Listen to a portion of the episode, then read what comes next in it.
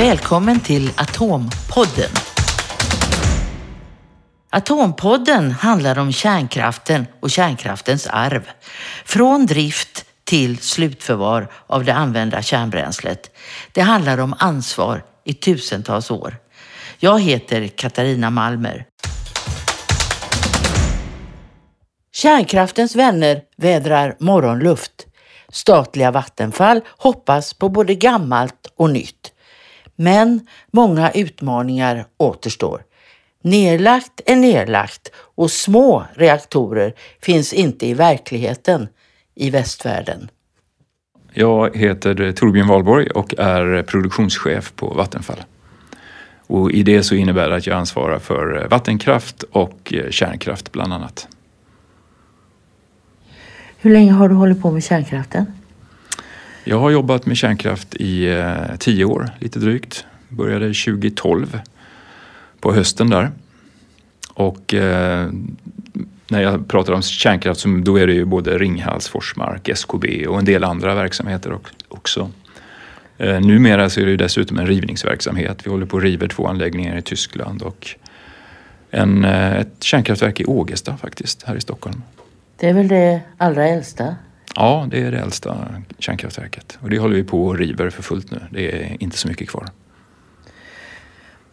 Eh, men om man då tittar på eh, kärnkraftens eh, situation idag.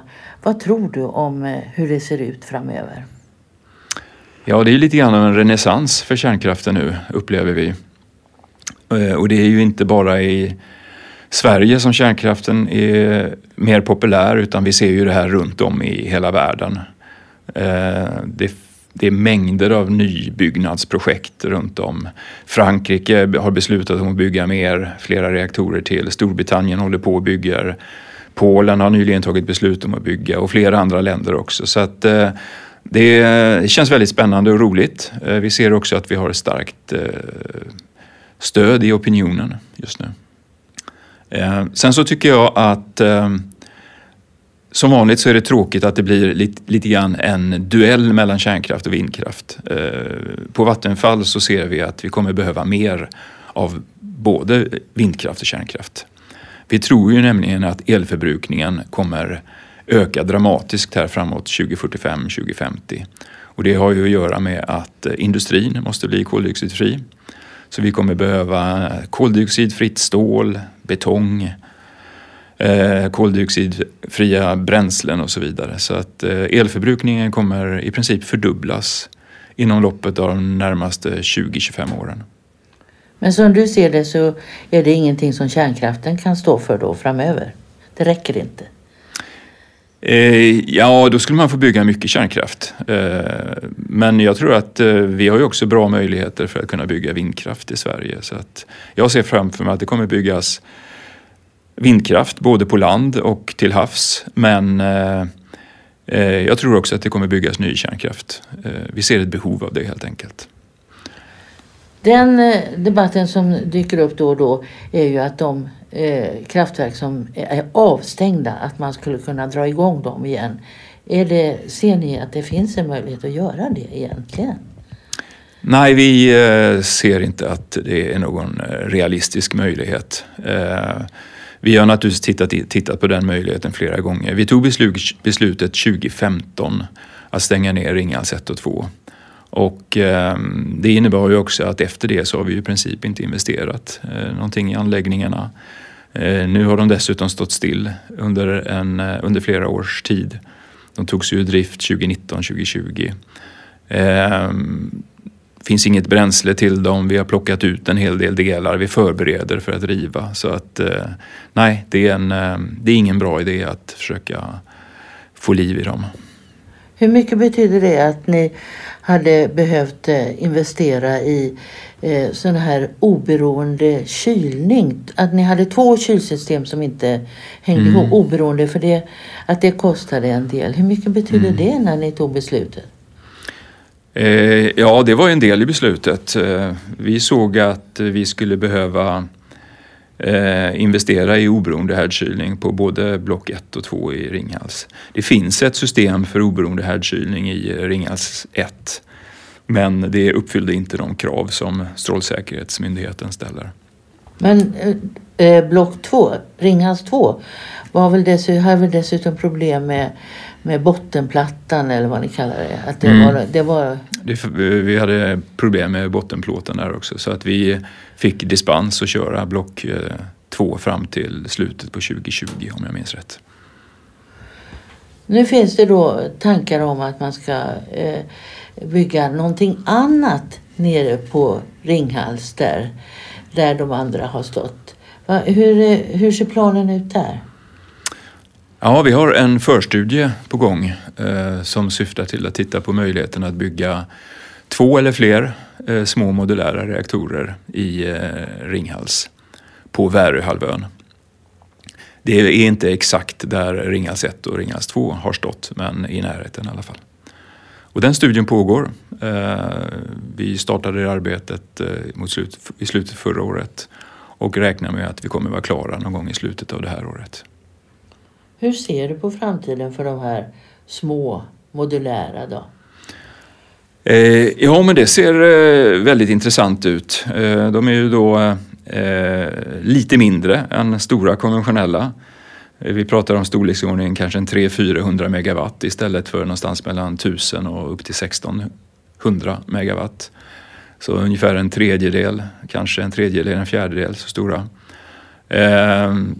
Tanken med dem är att de ska serietillverkas, det vill säga tillverkas i större serier, kunna använda eh, industristandard när det gäller pumpar, ventiler och så vidare, just för att de är mindre.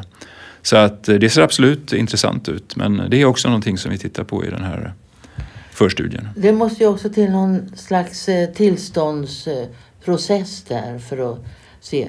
För de här de existerar ju inte idag. De finns ju inte. inte no, de finns väl bara på pappret.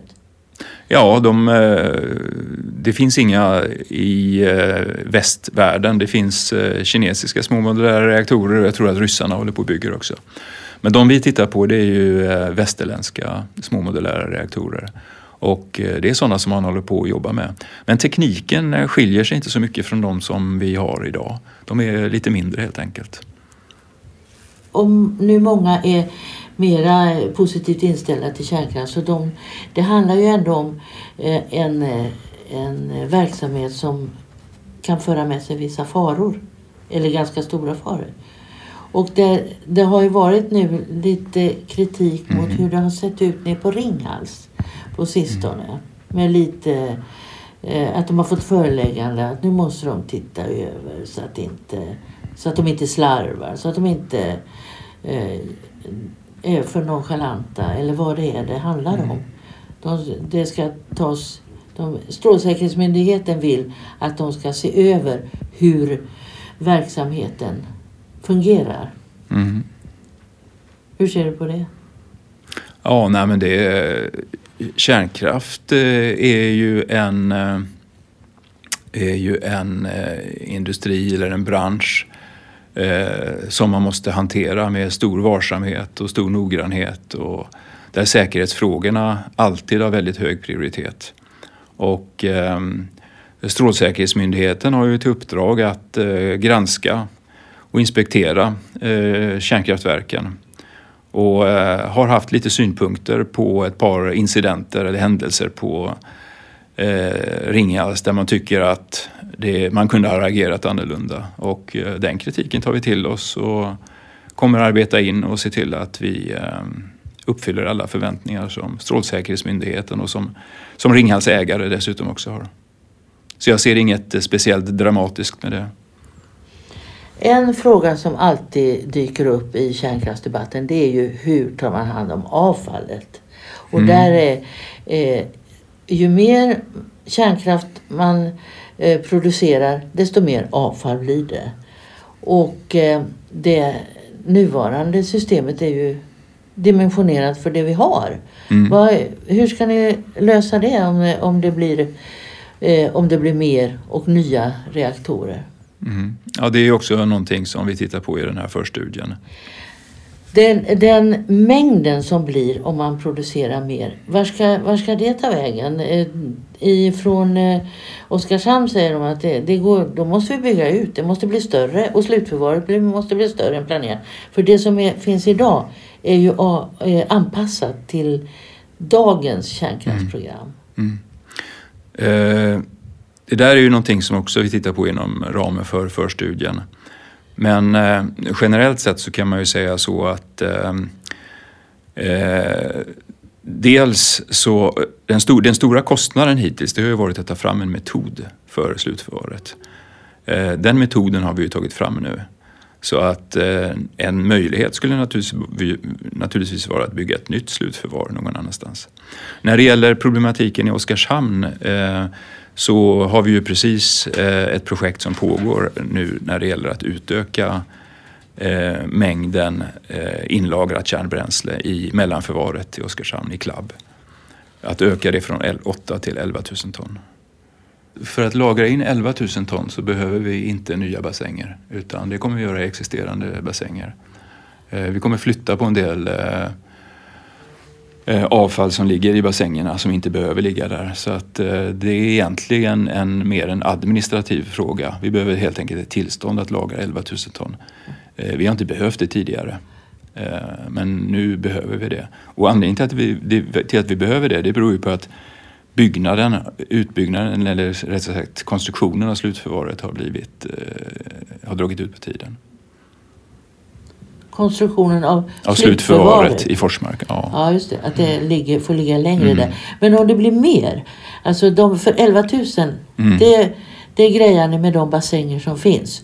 Mm. Men, men eh, eh, om det skulle bli mer, om, om de ska gå i 80 år, de producerar ju trots allt ett par mm. hundra ton om året. De mm. här, Men det kommer, inte bli, det kommer inte bli mer än 11 000 ton även om vi producerar, om, även om vi kommer att köra i 80 år.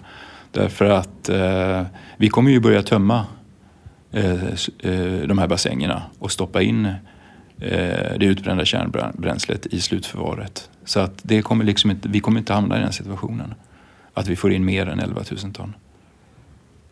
Men SKB har ju meddelat, eller alltså vi, de har ju gått ut och sagt att nu måste vi bygga ut. Nu måste, vi kan inte ta emot mer nej, än de, vad vi har. Nej, men för idag så kan de bara ta emot 8 000 ton. Men om vi får tillstånd att lagra in 11 000 ton, då är det inget problem längre.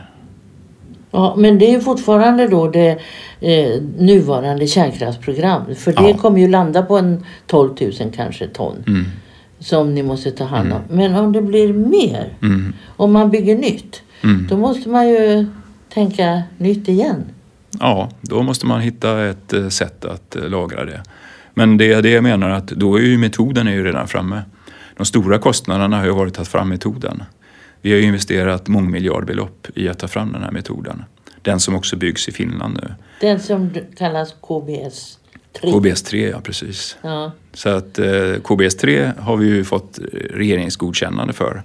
Och eh, sen eventuellt beroende på hur mycket kärnkraft som kommer byggas ut så kommer vi behöva någon ny plats att lagra kärnbränslet, då, det utbrända kärnbränslet. Men som sagt metoden finns ju då på plats redan. Men då är ni tillbaka där att börja borra i en kommun där folk börjar vakta sina berg och Ja, vi, ja, det, vi, har ju, vi, hade ju en, vi har ju haft en sån process och där det, till slut var det ju två kommuner som var väldigt intresserade av att få det utbrända kärnbränslet. Det var ju Oskarshamn och Östhammar som i princip eh, slogs om det där. Och det och, var ju och Östhammar, redan, eh, redan kärnkraftskommuner då? Ja, precis. Och i de två kärnkraftskommunerna så finns det ju bra berg. Även i, även i Oskarshamn? Ja.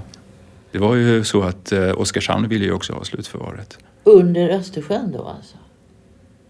Jag vet inte exakt var det var för någonstans. För nu ligger ju, nu ligger ju Klabb ligger väl under, mellanlagret, mm. ligger under Östersjön? Nej. Det ligger? Det ligger i ett berg. Ja, i, berg, ja, mm, i berget mm, men mm, under, mm. under vattnet om man mm. säger. Ja, slutförvaret, i, uh, slutförvaret som vi kommer bygga i uh, Forsmark det ligger ju också under havet. Det gör det. Utanför, uh, utanför kusten alltså, ja, gör det? Ja. 500 meter ner i urberget. Ja. Mm. Hur ser ni på den, hur den eh, kritiken som har varit att det är för, det är för grunt och det kan finnas eh, vatten som rör sig och det är eh, jordskalv och alla möjliga mm. sådana grejer? Ja, allt det där har vi tittat på. Ja, jag tittar på. Men är, det, är du trygg med att Ja, det... oerhört trygg. Oerhört trygg. Det, det finns flera barriärer eh, som förhindrar att radioaktivitet skulle kunna nå upp till markytan till exempel. Så att jag känner mig helt trygg med det. Alla tror att saker och ting är lösta. Mm. Avfallet är fixat. Allt Fast det är det faktiskt. Men det är det faktiskt också. Ja, säger inte alla. Nej. Det, vi har inte byggt färdigt slutförvaret men eh, metoden som vi använder och som vi kommer använda den, den är ju godkänd och den känner vi oss väldigt, väldigt trygga med. Även, det, en, även en kopparkapsel som kan rosta? Kopparkapslar kan inte rosta i syrefritt vatten. Det där har vi visat hur många gånger som helst. Men de kapslarna som ni visade, mm. de hade aldrig något eh, kritiskt material i sig. Det var bara kapsel utan, eh, utan radioaktivitet. Ja, men vi har, vi har visat det här och det finns så många forskningsrapporter som som också under, eh, så att säga, visar att vi har haft rätt i den här frågan. Så att, eh, vi känner oss väldigt bekväma med den. Men, så, men det är också som jag säger att det finns så många olika barriärer så kopparen är bara en av barriärerna. Nej, men det systemet som vi, har, som vi har idag, det är byggt för dagens reaktorer. Ja. Ja, så är det. Och även om de går i 80 år menar du? Är, även om de går i 80 år så kommer dagens system hantera det, ja. Det, det vi måste titta på det är utrymmet i slutförvaret. Så det är, det är någonting som vi måste titta på innan vi tar beslut om 80 år. Och det är därför som jag har sagt också att vi har inte tagit beslut om 80 år. Det som gäller idag är 60 år. Så ska vi köra i 80 år, då måste vi se var gör vi av eh, det utbrända kärnbränslet. Men då pratar vi om slutförvaret, inte mellanförvaret. Mellanförvaret kan rymma det eh, bränsle som uppstår under 80 års drift. Kan mellanförvaret även rymma avfall ifrån små modulära? Finns det plats för det också? Eh, ja, nu blir jag lite osäker. Det, det, är en del av den här eh, förstudien som vi håller på med nu i Ringhals. Eh, men det utgår jag ifrån. Däremot så måste man ju också i sådana fall få tillstånd att göra det. Och det finns ju också, om man ska komma ihåg när vi byggde mellanförvaret så byggdes ju inte det för att köras hur länge som helst.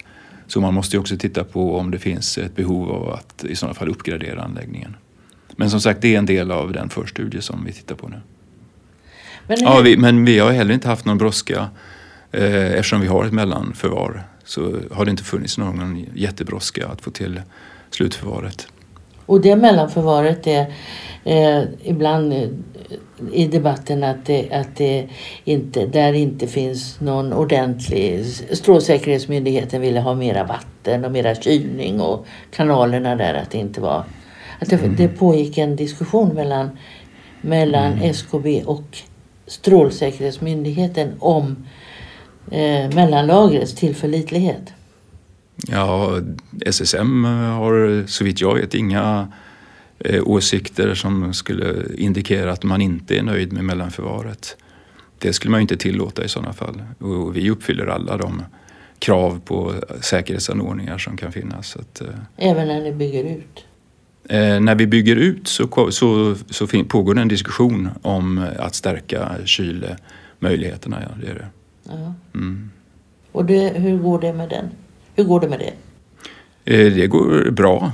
Eh, jag hoppas att vi kommer fram till en lösning där. Men om du, om du nu tänker att de här, hur gamla kan de bli de här nuvarande kärnkraftverken? Hur gamla tror du? Det har ju lagts på år, mm. år, decennier efter decennier. Ja, just det. Vi, vi tror ju att vi, vi kommer börja titta nu på att köra dem i 80 år.